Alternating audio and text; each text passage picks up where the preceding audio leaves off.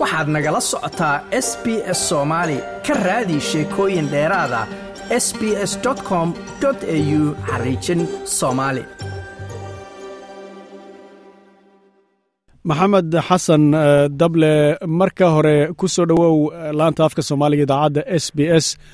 Marka xigta queen elizabeth labaad geeriyootay waddanka aan dhahno geerida aad baa loo qaadaa dhigay taariikhda iyo nolosha queen elizabeth balse qofka soomaaliga ah ama qofka ku dhegaysanaya ee aan aad isagu xog badan u haynin haddaan ku weydiiyo queen elizabeth yay ahayd ku soo dhowow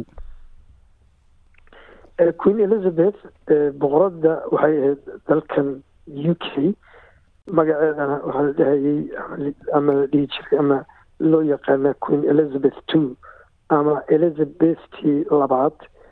Waxaa halkaa ka cad in ay horay boqorad elizabeth kow ah ay jirtay oo iyada ka horeysay marka waxay dhalatay kun sagaal boqol iyo lix iyo labaatankii bay dhalatay. Waxayna ku dhalatay london. Waxaa mataqaanay ay ka dhaxashay boqortooyada aabaheed kun sagaal boqol iyo konton iyo labadii markii uu geeriyooday. Ilaa iyo haddana waxay tahay queen elizabeth boqoradda u k dalalka la isku yidhaahdo oo ah england scotland wales iyo northern ireland iyo weliba afar iyo toban dowladood oo kale oo iyagana ka mid ah.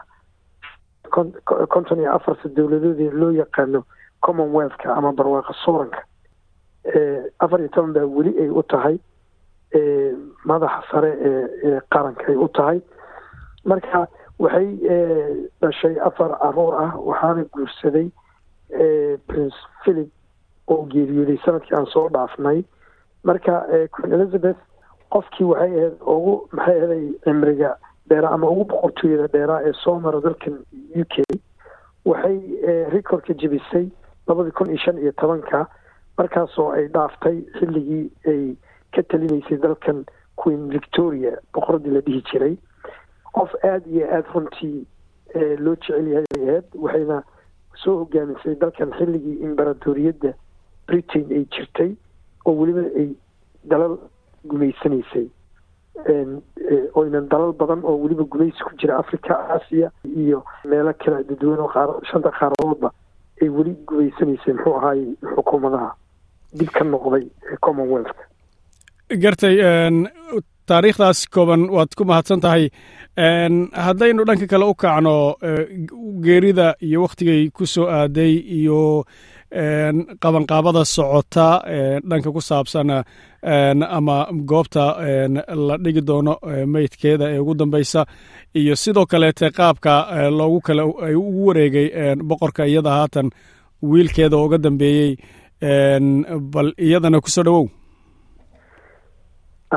arrinta hadda ugu weyn ee socota ayaa waxay tahay qabanqaabadii iyo qaabkii loo aasi lahaa looguna samayn lahaa muxuu ahaayey muxuu ahaayey loogu samayn lahaa aas qaran sida la og yahay ingiriiska oo dhan calanka nus baa la geeyey iyada oo lagu ixtiraamayo lagu qadarinayo oo nooc tacsiyada ka mid ay tahay dalal badan oo caalamkana oo ka baxsan commonwealthka xitaa laga tacsiyeynayo oo calanka hoos loo dhigay.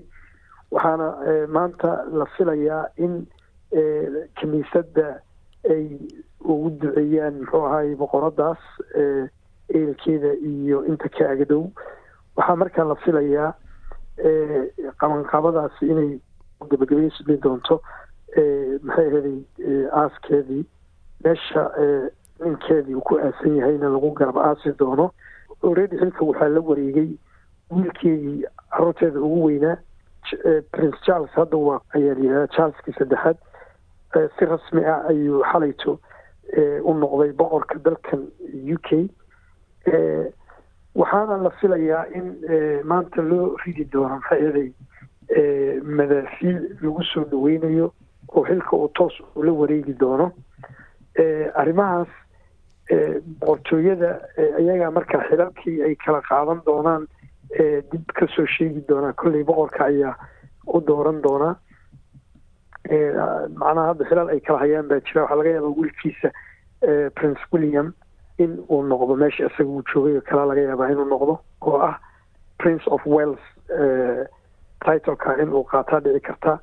Detail fara badan hadda laakiin kolley hadda tacsiyada wax walba ka muhiimsan iyo iyo dawidda iyo aaska. Kolley madax fara badan oo caalamka ka socotana marka la iclaamiyo xilliga lagu macnaha la aasi doono way waa waa la casumi doonaa waktiba yar qaadan doontaa. Marka intaas un baan dhihi lahaa kolley wixii ku saabsan aaskeeda iyo maxay aheeday iyo sida xilalka loola kala wareegay boqorka rasmiga ee hadda k waa waa waa boqor charles aada iyo aad haddaad eegto caalamka sida looga tacsiyeeyey ama hadalhaynta geerida boqoradda maxaad hal iyo labo ka xusi kartaa dhacdooyinka iyo qaabka maaragtay dacallada looga xusay adduunka. Si weyn baa runtii loo xusay oo mataqaanaa lagu soo tacsiiyey madaxda caalamka way soo wada tacsiiyeen meelo badan runtii. Waa qof dee saameyn ku yeeshay dunida oo dalal ay in badan mataqaanaa ay la tacaamulayeen oo ay macnaha booqashooyin rasmi ah ay ugu yimaadeen.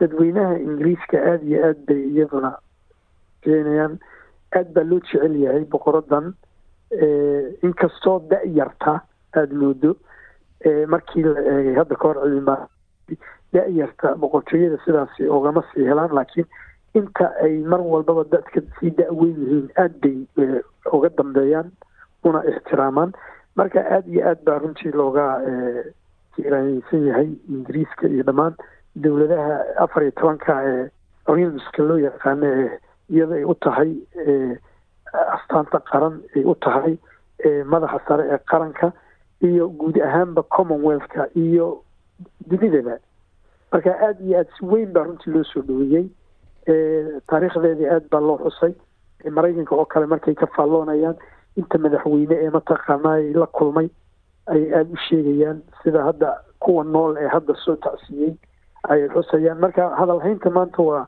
boqorada iyo geerideedaas meel walbaba. Aad baad u mahadsan tahay maxamed xasan dable oo ah nin isagoo aqoon-yahana oo falanqeeya arrimaha siyaasaddana ku xeel dheer. Aad baad u mahadsan tahay maxamed xasan dable? Adigaa mudan ma doonaysaa sheekooyinkan oo kale? Ka dhegayso apple podcast google podcast spotify ama meel kasta oo aad bodkastigaaga ka hesho